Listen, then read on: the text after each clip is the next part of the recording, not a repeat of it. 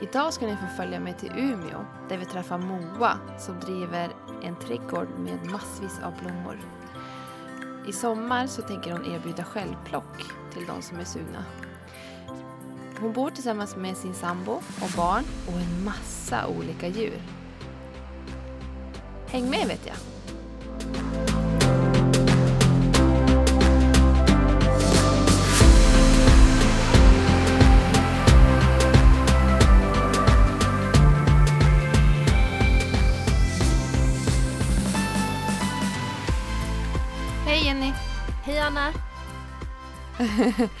Nu är vi här igen och det är dags för en intervju. Ja, det här har jag varit så eh, peppad inför och det ska bli så himla kul att få snacka med Moa om det här. Ja men vi som är så inne på snittblommor nu ty tycker att vi liksom ja, men det ska bli roligt att få med sig lite matnyttig information. Ja, och vi vill ju dela med det till er där som lyssnar också. Men innan vi sätter igång med intervjun så undrar jag Anna, hur går det för dig med din odling? Hur går det? jag är fortfarande lite inne på samma spår som förra veckan, att jag tycker det går segt Ja, eh, för saker att gro där nere i källaren. Eh, sen så är jag ändå ganska nöjd över att ha fått eh, dahliorna ner i jord. Eh, och de sätter jag då i plastpåsar. Tänkte jag köra i år. Ehm, så det, det är på gång. Och jag pratade ju om de här luktärtorna förra avsnittet. Jag har ju garderat upp med en ny påse och satt det. Eh, sen är det lite, lite roligt, det är väl inte snittblomma så, men jag kan flika in bara att jag har satt även eh, ehm, eh, indigo. Så jag ska hoppas, jag hoppas att jag ska kunna färga på det i sommar. vad blir det för färg om man färgar med indigo? Blå. Blå, ja såklart indigoblå. Nu är jag med. Ja. Så det, det blir spännande. ja, men ibland kan det ju vara lite sådär att typ som, är det inte avokado som blir typ rosa? Jo. Jag har ju färgat med, med avokadokärnor. Och... Kan Eh, du inte lägga ut någon bild så vi får se? Jo, men det får jag göra. Eh, jag färgade på bomullsgarn då. Eh, med avokadokärnor. Och det var vitt då. Och det vart så här liten, du vet gammelrosa, lite så här touch av nästan så här nude färg. Okej. Eh, och då använde jag egentligen inget annat än bara, bara kärnorna och vatten. Så att det Aha. går ju säkert då, liksom beroende på vilken pH man har och om man eh, betar med någonting så kan man få eh, andra nyanser. Okej. Nu vart det här Är en liten avstickare.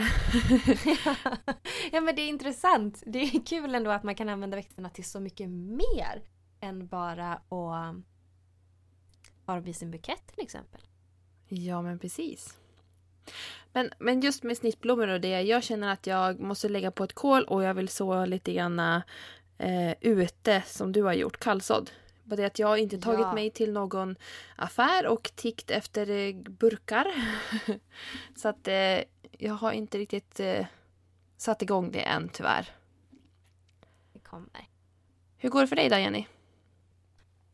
Jo men jag tycker det går ganska bra. Jag... ehm, ja men det växer och sprakar och det ser ganska friskt ut och ja men det ser ut som att de är välmående. Jag har börjat toppa mina rosenskära för de har blivit ganska höga nu och kommer upp så nu har jag kunnat toppa av dem så att jag tänker att jag ska få lite mer kompakta och lite härdigare plantor. Ah, okej. Eh, Ja, smart. men- Sen fick jag en lite så här, en liten, eh, vad ska man säga, en liten ångestkänsla att jag tycker att jag har för lite utfyllnadsmaterial till mina buketter. Så i Ah. veckan så gick jag in på, undrar om det var Impecta, men jag, jag gick i alla fall in och beställde massa mer frön. Va? Har du gjort det utan att fråga mig?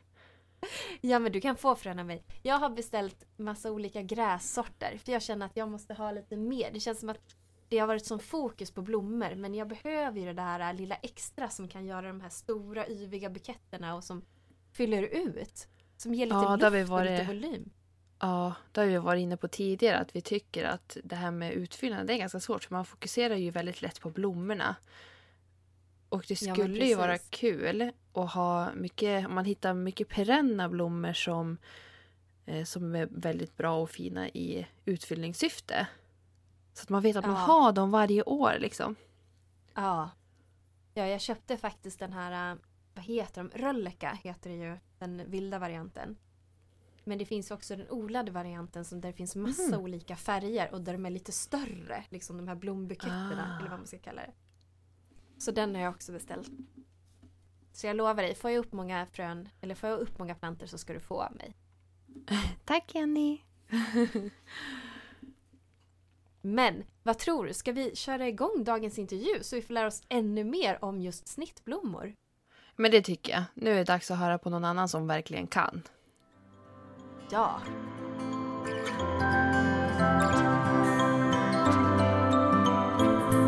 Hej Moa! Hej! Vad roligt att du vill vara med mig och Anna i den här äh, podcasten som handlar om odling. Ja men jättekul att få vara med. Det är ju alltid lite speciellt att spela in så här på distans och nu ska vi ju anta oss en ny utmaning att vara tre stycken. Jag och Jenny tyckte det var en utmaning att vara två på distans. Ja, det förstår Ja, jag. man får vara lite kreativ. Men eh, för eh, de som inte vet vem du är Moa, skulle inte du kunna köra en, eh, en liten presentation av dig? Mm, jag kan köra lite kort. Moa Esserud heter jag. Jag är 30 år fyllda. Bor eh, två mil söder om Umeå, Umeå. Eh, och eh, bor här då med min sambo och våra två barn som är fyra och ett halvt respektive två och ett halvt. Sen har vi en herrans massa djur här också. Eh, Men vi har bott här då i strax över fyra år. På, i, I det här huset och den här tomten. Och eh, det var väl här allting började en gång. Åh, vad spännande. Eh, när du säger att du började, jag blir nyfiken. Är du florist? Alltså, jobbar du som florist eller vad, vad jobbar du som? Alltså det är det som är eh, lite kruxiga. Alltså, jag utbildade mig till florist den här vintern. Eh, bara för att få en, eh, en eh, vad ska man säga, en, en grund att stå på eller en titel att eh, luta tillbaka mig till. Men jag har ju alltid haft odlingen nära mig själv och hållit på med blommor och odling längre än så. Men eh, jag vill verkligen ta tag i att få den där utbildningen nu när jag skulle starta den här snittblomsodlingen och eh, liksom satsa på Okej. det. Åh, vad spännande. Så egentligen så har du ju varit trädgårdsintresserad längre än så då? Jo men så är det ju. Jag har varit trädgårdsintresserad sen, ja men sen jag var yngre barn eller vad man nu ska säga. Men jag har väl kanske inte riktigt fått utlopp för det förrän jag hade en egen tomt att pyssla med. Tidigare har jag hållit på liksom med fönsterodling eller att man har odlat lite hemma som barn. Och när man bodde i lägenhet så hade man ju balkong eller ja, man har liksom pysslat på lite Mm. grann och alltid tyckt att blommor har varit roliga och när jag jämt har gått till blomsterbutiker så har jag liksom plockat blommor själv istället för att jag köper en färdig bukett. Och jag har väl inte riktigt förstått att det är det där jag ska pyssla med förrän ja, men nu när jag kom hit på plats eh, vid min egen tomt och att jag vill bygga någonting själv och skapa själv. Okej. Men eh, tänker odling, så här, fanns alltid blommor där som intresse eller har det vuxit fram senare eller? Blommor har alltid funnits nära. Eh, när, när jag var yngre och bodde hemma så hade ju mamma alltid blommor på sommaren. Som hon, hon får ju på handelsträdgårdar och pyntade, pyntade hela, det, hela trädgården på sommaren. Och jag har två farbröder, eller en har gått bort, men jag har en far, farbror som är väldigt intresserad av blommor och pyntar både, jag menar allt från verander till eh, trädgårdar och sånt där på sommaren. Och Så att det har alltid funnits nära men jag har nog inte tänkt på det på det viset att jag tyckte att det var ro roligt då. Eh, men det gjorde jag nog. Mm. Var kommer namnet Buddhas gård ifrån? ja, det är inte krångligare än så än att eh, min eh, allra första hund som jag skaffade, en engelsk bulldog, han heter Buddha. Och eh, har bott liksom i lägenhet hit och dit och när vi väl kom på plats så tog han för sig liksom av hela gården och bara strosade runt och mått livet. Och då har jag tänkt att ja men eh, det här är ju det här är ju Buddhas gård eller Buddhas tomt eller vad man nu ska Buddhas revir. Eh, och eh, eh, med det här som jag startat förutom snittblomsodlingen så hade jag ju tänkt ha liksom lite yogakurser med getterna, alltså getyoga och sådär framöver. Och det bara fall, föll naturligt att det skulle heta Buddhas gård. Ja, vi funderade lite på det jag och Anna, bara undrar om hon har någonting med yoga också. Det skulle ju passa in när det heter Buddhas gård. Mm. Ja, ja men faktiskt. Att, eh, nej, men det är, det är min eh, engelska bulldog som heter Buddha. Han är åtta år nu så att eh, det är inspirerat av honom också så att då kommer det leva kvar även när han inte finns kvar. Ja, vad fint. Mm. Mm, verkligen. Men, men eh, när du säger att du har hund och massa andra djur, vad är det för djur du har? Ja, Eller ni? ja, nej men jag har ju då Buddha, en engelsk bulldog. Sen har vi en Sankt Bernhard på ett år som heter Lord. Sen har vi en katt som heter Betty och sen har vi just nu två jätter. Vi har haft lite fler tidigare men nu riktar vi in oss mer på dvärgjätter så att vi har en, en get som det heter då och en bock så förhoppningsvis blir det lite killingar. Sen har vi får och grisar och höns och ankor och senaste tillskottet är en påfågel. Oh. jag försöker få min man att vilja ha påfågel också men jag har inte kommit dit än. Nej, alltså trixet är ju att inte fråga. Ja, ja just det. Jo, men det har jag gjort förut. Jag kommer hem med tuppar och ankor och grejer utan att han har vet om det. Så. Exakt. jag får fortsätta på det spåret. Exakt, men eh, vi, har, vi har ju liksom... Eh, där vi bor så har vi en granne, eller vad man nu ska säga. Och vi delar ju som... Jag äger två får och de äger två får och de äger en gris och jag äger en gris. Och så, för det är de som egentligen som har ytorna, alltså om man tänker typ åkrarna och det här.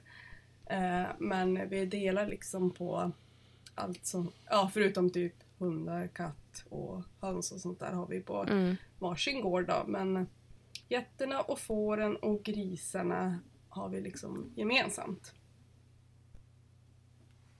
Vad smidigt, då har ni ju utrymme att hjälpa varandra. Alltså då kan ni ju åka bort om ni vill och det finns alltid någon där som tar hand om djuren. Exakt, det är det som är så himla skönt med att Annars när man har djur så brukar ju en kunna säga att man liksom blir låst. Men de kan åka bort för att hon har släkt i Finland så de kan åka bort dit en vecka och vi tar allt ansvar. Och vi kan åka bort en vecka och de tar allt ansvar. Och... Så att vi delar liksom på bördan och glädjen. Men Jenny, jag känner ju liksom att det här passar ju oss perfekt. Nu kan jag ju skaffa mina grisar och getter och får och så hjälps vi åt. Jag säger bara till Daniel att ja men de tar Jenny i helgen. Du tänker att vi köper hela, hela Moas koncept nu och kör exakt samma? Jajamän, copy-paste. Helt rätt. Men Moa, var det självklart att du skulle starta alltså självplock hemma på gården eller? Nej, alltså självklart har det väl inte varit. Utan jag har ju odlat eh, blommor och Alltså jag började ju med grönsaker först för att kunna vara lite mer självhushållande och sen har liksom blommor kommit på sidan om bara för att jag tycker att det är så himla fint och jag vill liksom plocka till mig själv och till vänner och bekanta när man åker bort och sådär men eh, Sen när jag insåg att ja men det här kan jag faktiskt göra en grej av för det finns inget självplock av blommor i Umeå vad jag har sett eller har märkt av eller eh, och då erbjöd sig då grannen, som jag nämnde tidigare, att låna ut lite mark. Så att eh, det är liksom på en yta som är som jag lånar av dem som jag tänker liksom satsa helhjärtat på snittblomsodling. Och då liksom föddes idén till att ja, men då kör vi på det. då, då startar jag företag eller eh, fortsätter med det och eh, får vi se vad som händer. Gud vad spännande. Men Mm. hur, stor är, hur stor är din snittblomsodling? Alltså den du har anlagt? Jag, jag har inte liksom mätat fot för fot om man säger så, men jag skulle gissa på att den är, Nej. ja, den är kanske tre 400 kvadrat kanske? Ja, det är en- Den är ganska stor ändå. Jo, alltså den är, det, eh, ytan är grannarnas gamla potatisland som de har utnyttjat så att den tänker jag liksom bara bru- fortsätta bruka. Eh, om det här med självplocket, om man tittar på konceptet, hur kommer det funka? Ja, alltså tanken är att eh, så fort liksom blommorna börjar komma igång och börjar växa ordentligt då kommer jag annonsera dels på eh, ja, men liksom mina sociala medier och hemsida att eh, öppet för självplock på lördag eller vad man nu väljer för dag. Men förhoppningsvis eh, så Mm. kommer det funka liksom en gång i veckan för att de blommorna jag odlar kommer ju växa ju mer man plockar. Så att, eh, Ja, just det. Ja, så att eh, tanken är väl att eh, kunna ha besökare här i alla fall minst en gång i veckan och plocka och sen är det något som plockas för lite eller att det inte kommer tillräckligt med, folk eller ja, då kommer jag liksom kunna bjuda in ytterligare en dag men det, det blir, jag kommer nog inte ha en fast dag i veckan som det ser ut nu. Eh, men det kan ju ändra sig när det närmar sig men minst en gång i veckan i alla fall kommer jag satsa på att ha självplock. Ja.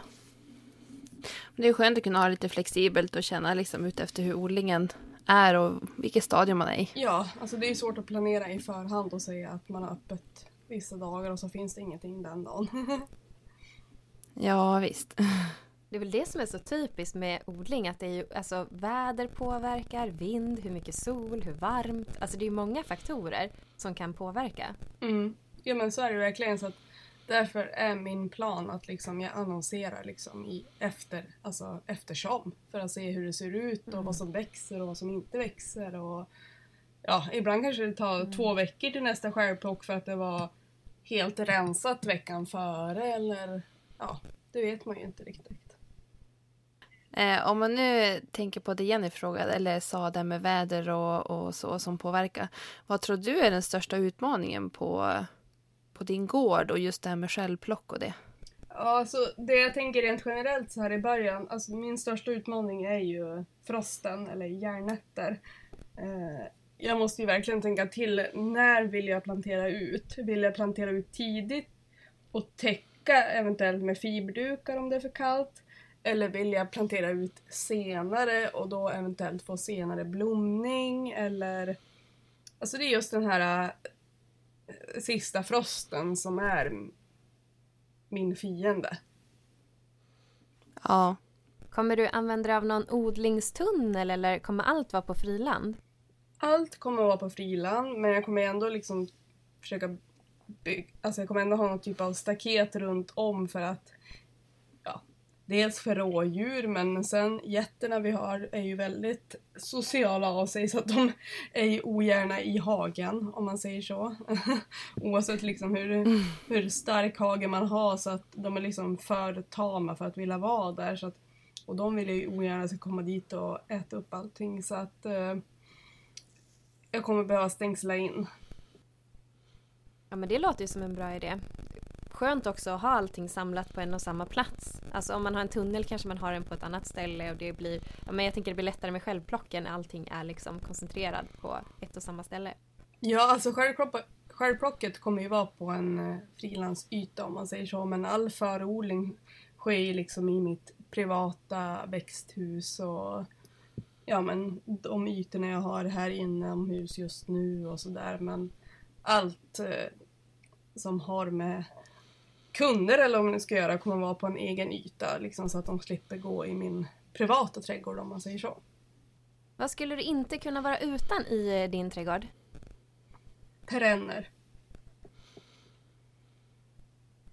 Det är liksom... Det var, det var ett kort och konkret svar. ja, verkligen.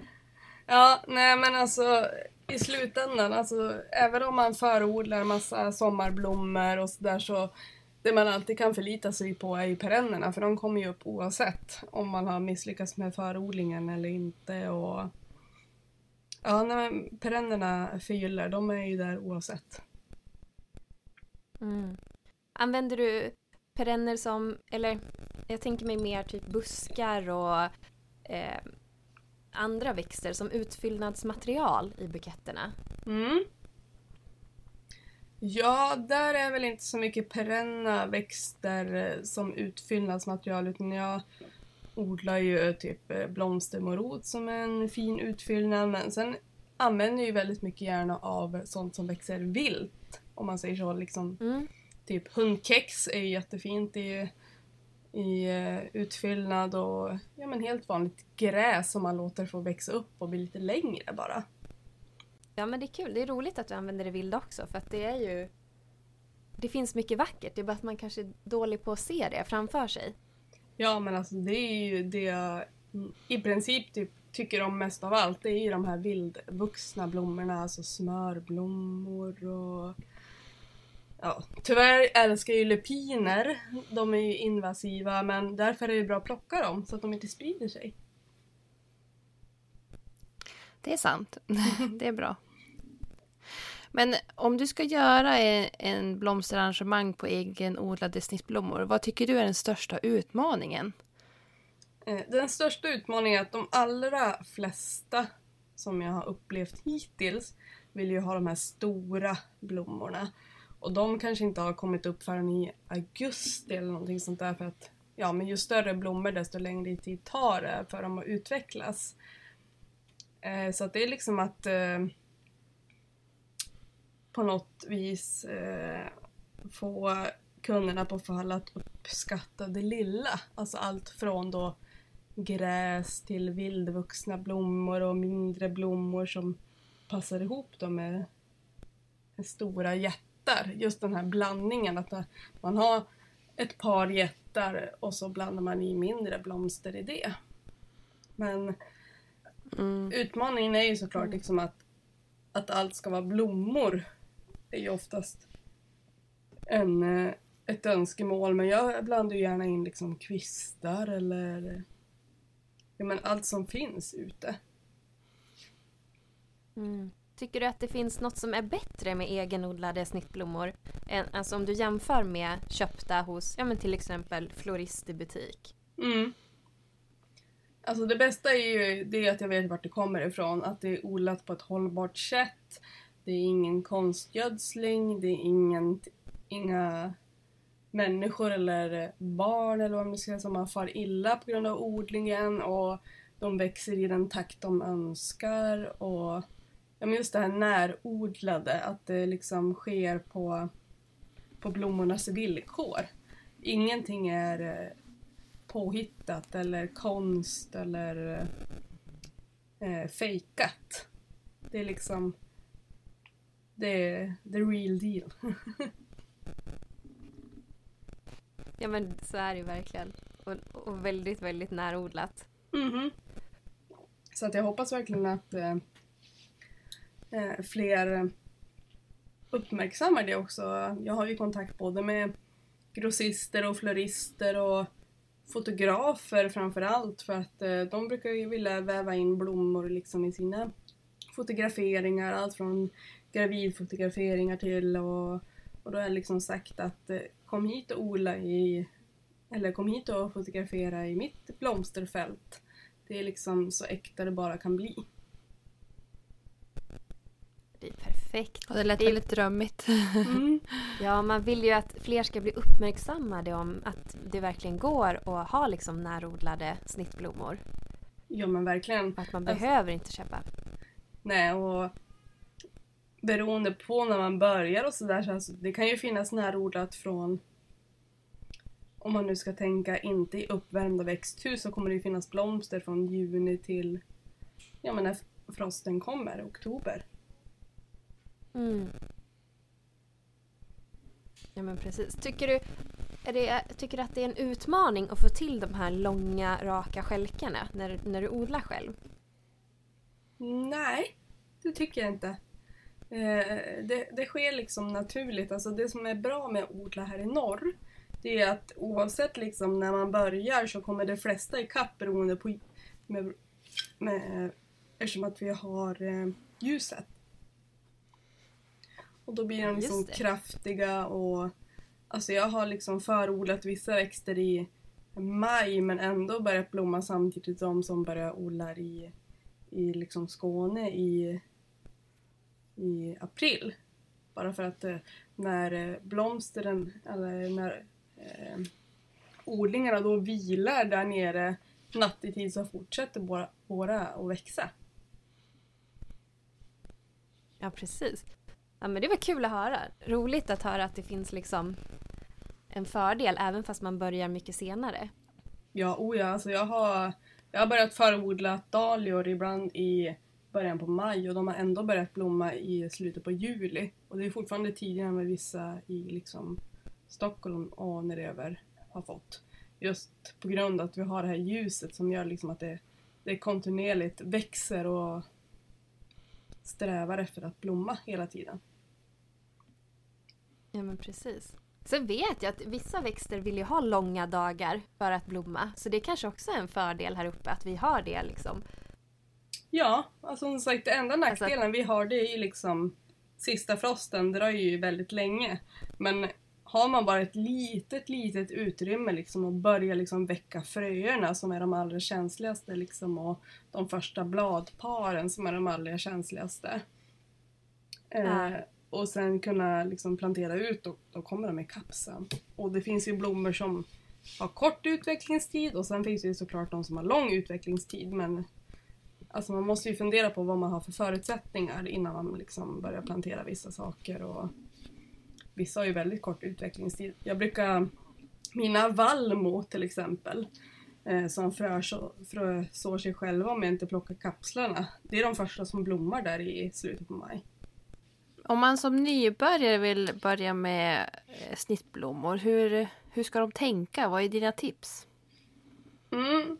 Alltså, när man tänker snittblommor så vill man gärna ha blommor med långt vasliv eller vad man nu ska säga. Att de ska hålla länge i, i vas när man väl har plockat dem.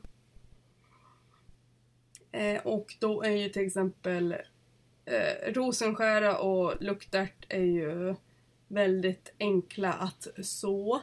Kommer snabbt igång. Brukar blomma efter ungefär 90 dagar.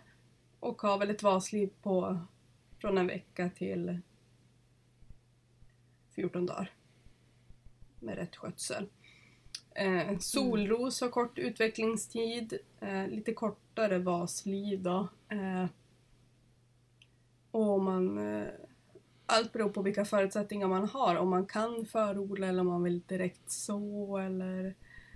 Men... Eh, ja men Osinnia är också väldigt snabbväxta och håller oerhört länge i mm. vas om man sköter dem rätt i vasen, hur ska man tänka då? Är det byta vatten varje dag eller vilka, vilka, hur ska man sköta dem på bästa sätt när man väl har tagit in dem? Ja. Nej, men det man menar med att en eh, blomma ska hålla länge, alltså såklart fräscht vatten. Men det spelar ingen roll hur ofta du byter vatten om du inte liksom gör en ny snittyta på dem. Mm. Alltså de flesta blommor kläggar ju som igen i snittytan. Alltså de reparerar ju sig själv för att de vill ju inte släppa in eh, bakterier. Alltså blomman skyddar ju sig själv genom att stänga sig. Eh, så så det är bättre att snitta om från varannan till var tredje dag än att byta vatten. Men när man väl snittar om kan man ju lika gärna byta vatten. Men det man snackar om det är hellre att snitta om än att byta vatten. Än tvärtom. Alltså det hjälper inte att byta vatten var tredje dag om du inte snittar om Nej. Nej, precis. Och man har ju hört någonting om att ställa, eh, ställa dem kallt över natten. Är det något tips eller? Det beror på vilken blomma det är. Alltså tulpaner, ja. de vill ju ha det kallt om natten. Det är för att de är om man tänker en tulpans naturliga miljö när de börjar växa upp så är det ju kallt på nätterna men varmt på dagarna. Eh, så att det är samma sak. Och samma sak med andra tidiga blomster som jag nämnde, luktärt, eh, rosenskära, zinnia. De är ju vana att det är svalt på natten. Eh, så att om man tänker liksom blommans naturliga miljö, hur det ser ut. Om de är van kalla nätter eller, eller inte kalla men svala nätter i alla fall. Och så anpassar Mm. man efter det. Då brukar det oftast Ja. funka. Men det finns ju inga liksom, snittblommor som trivs. Många vill ju ställa snittblommor liksom i ett... eh, man ska inte ställa plockade blommor i ett eh, soligt fönster utan ställ dem liksom ut från solen. De vill inte ha brännande sol på sig på dagarna när de är plockade till exempel. Nej. Har du något sånt här äh, snittblomshack som du kan dela med dig av till lyssnarna? Snittblomshack. eh, ja, antingen, det är att plocka på kvällen eller morgon. Inte mitt på Mm. dagen. Mm. Det är en av mina bättre tips. Och eh, eh, när det gäller de här förblommorna, typ eh, tulpaner, narcisser och sånt där som man börjar plocka snart här. Det är att stoppa isbitar i vattnet om man inte kan ställa dem svalt. Det här kanske är en antingen lätt eller svår fråga, jag vet inte. Men vilken är din favoritblomma? Ja, det är en jättesvår fråga. För att eh, jag anpassar mina favoriter efter säsong. Eh, men när det kommer liksom, om jag fick välja en blomma att odla så skulle jag, all, skulle jag nog välja att ha ett eh, solrosfält, alltså fullt med olika typer av solrosor. Så det är nog min favorit verkar det som. Oh. Mm. Även om jag... Så är det mycket solrosor då? Eh, ja, alltså mycket och mycket, men jag såg ju liksom en del i alla fall för att få ett par rader av solrosor. Men de, är ju, de blommar ju inte om. Alltså har du klippt en solros så kommer ingen ny blomma senare. Om man säger så. Nej, det är lite tråkigt. Och de har inte jättelångt vasliv heller men skulle jag drömma så hade ju drömmen varit att ha liksom ett stort solrosfält ändå. Det är liksom... Ja, jag faller alltid tillbaka till solrosor. Jag vill ha lite tips om solros. Mhm. För att jag tycker det är lätt att de blir så himla rangliga där i början. Ja, eh, Finns det något superhack där liksom? Hur ska jag få den att bli stabil? Jag brukar ju förodla mina solrosor. Jag börjar med varmt för att de ska komma upp, men så fort de har kommit upp så ställer jag dem ju så nära växtbelysningen bara går. Och sen har jag ju svalt om natten. Varmt på dagen och svalt om natten. Jag odlar ju alla mina blommor i ett garage. och eh, har ju ställt upp fullt med hyllor med liksom växtbelysning och sådär. Men på natten då öppnar jag upp garageporten lite, lite grann så att det liksom släpper in. Så att på natten är det kanske 10-15 grader där inne och mina solrosor har mm. jättetjocka, jätteknubbiga. Okej, ja det är där att jag ska nog sänka tempen lite.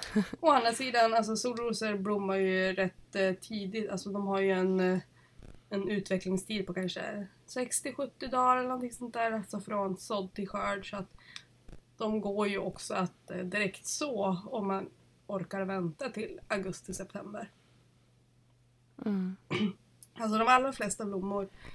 Alltså det bästa vore ju om man kunde direkt, direkt så allt. För att då får de liksom anpassa sig efter klimatet eftersom. Men eh, vill man ha blomster här i juni i norr så då funkar ju inte riktigt det. Men när det gäller solrosor, vill man vänta, orkar man vänta till slutet på augusti-september då skulle jag eh, rekommendera att eh, direkt så solrosor istället. Just det, det var ju superbra tips. Mm. Och det känns ju också som att det är genomgående att ställa att det ska vara lite svalare på natten tycker jag verkar funka för de flesta växter för att få de här lite kortare och lite knubbigare och stabilare växterna. Ja men det är ju liksom naturligt oavsett vart blommorna växer någonstans. Även om de, alltså tänk Dahlia, de här stammar ju från Mexiko. Men de har ju inte 35 grader varmt på natten heller i Mexiko, där de härstammar ifrån. Utan de kanske har 15-20 grader på natten. Så att alla växter Ja. trivs nog av att liksom antingen eh, ha svalare och släcka ner belysningen en stund. Alltså växtbelysningen eh, brukar man säga ska vara på 15 timmar. Och då kan man ju släcka och dels liksom försöka få det svalare där inne nattetid. Men allt beror ju på förutsättningar och sånt där men har man möjlighet, släck ner, får det svalare under nattetid och så tänder du och så får du varmare på dagen. Och alltså alla blommor eller alla växter, försök att liksom härma deras naturliga miljö. Och då kommer de liksom Mm. utveckla sig allra bäst. Mm. Och kanske för eh, många hobbyodlare som bara kanske odlar lite snittblommor för eget bruk. Kanske räcker det bara att öppna fönstret lite grann om man har möjlighet för att man ska få bara ett lite svalare klimat. Ja men exakt, eh, som sagt jag öppnar garageporten lite grann för att få in och har man nu växterna i att, ja men det kan vara allt från en tvättstuga men man kanske oftast har möjlighet att öppna ett fönster. Och nu på våren så blir det ju aldrig minusgrader inomhus oavsett om du öppnar fönstret eh, mycket eller lite utan det drar bara ner temperaturen och det kan absolut vara värt. Ja, ska vi köra fem eh, snabba frågor Anna? Ja, nu är det dags. Vi vill ha lite snabba svar. Oj. på Fem snabba frågor.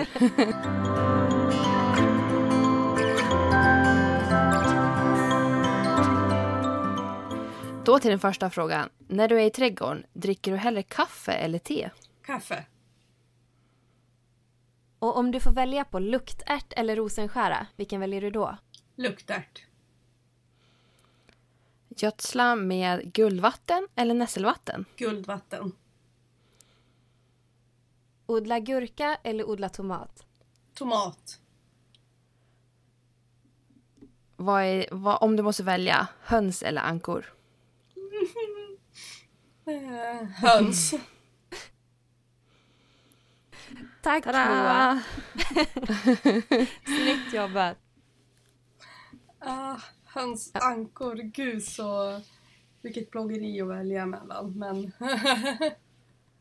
Ja, Jag jag måste är bara höns och ankor själv. Eh, så att eh, jag vet att det är svårt. Men ankorna är så jäkla gulliga och mysiga och trevliga och roliga men hönsen får man ju lite mer ägg av så att det får liksom överväga. Tyvärr. ja. Hur använder du mycket av gödslet, alltså från dina djur? Använder du det i dina odlingar? Ja, det gör jag. Eh, mycket hönsgödsel. Jag är väldigt försiktig med det för att det är väldigt starkt. Eh, så jag behöver inte alls lika mycket hönsgödsel om man nu skulle jämföra typ med ko eller hästgödsel. Eh, men jag har också en, en som jag känner i byn väldigt väl som har hästar så att jag brukar också ta hästskit. Eh, tanken är att ta hästskit eh, från henne då. Eh, för att liksom kunna balansera upp lite och ja, det blir lite för starkt med hönsgödsel. Det beror li- beror liksom på vilken växt det är. Hur använder du hönsgödsel då? Hur gör du? Eh, nej men jag tar bara det jag har sorterat ut, alltså det jag har mockat ut eller städat ut under året och eh, lägger i bäddarna men jag sprider ut det ganska generöst om man säger så. Alltså en spade räcker till liksom Mm. en hel bädd om man säger så. Mm. Och sen brukar jag använda hönsskiten till att blanda ut med vatten istället och gödselvattna med det under året. Ja men Moa, det har varit jättetrevligt att få prata med dig och jag tycker att vi har lärt oss jättemycket bara av att få höra vad du har att säga om snittblomsodling och hur man ska sköta om sina blommor. Och det är ju bara så himla inspirerande att höra någon annan som är så driven. Ja, men, Ja, jättekul och det kän- att jag kan inspirera någon i alla fall. Om de som lyssnar vill få tag i dig, hur, hur hittar de dig? Jag är allra mest aktiv på min Instagram som är moa.srud. Så att där är jag allra mest aktiv och delar allt. Och så fina bilder. Tack. Och vars ligger din, om vi säger att någon blir sugen på att åka och plocka snittblommor hos dig i sommar. Vars Mm. ligger din gård? Ja, den ligger två mil söder om Umeå. ganska nära, alltså en kilometer från E4 bara. I en by som heter Stugnäs men det kommer att komma ut liksom eh, vägbeskrivningar och grejer när självplocket närmar sig på min Instagram. Men vad kul. Kanon. Vi hoppas ju att eh, den här coronasituationen lugnar ner sig så att vi kan komma och hälsa på i sommar. Ja men det hade varit jättekul. Jag har ju planer på att ha kurser i sommar och workshops och allting så att det vore... Jag hoppas verkligen att den här coronasituationen lugnar ner sig och ni är varmt välkomna. Det vore jättekul om ni kom. Ja men vad kul, då tackar vi så jättemycket för oss och hoppas att du får en superfin odlingssommar och att alla växter, att det kommer, jag menar att det kommer bli mycket blommor och mycket besökare och mycket självplock. Ja men tack till er och må er sommar blomstra. Ja. ha det bra. Ja, ha det gott. Hej då. Hej då.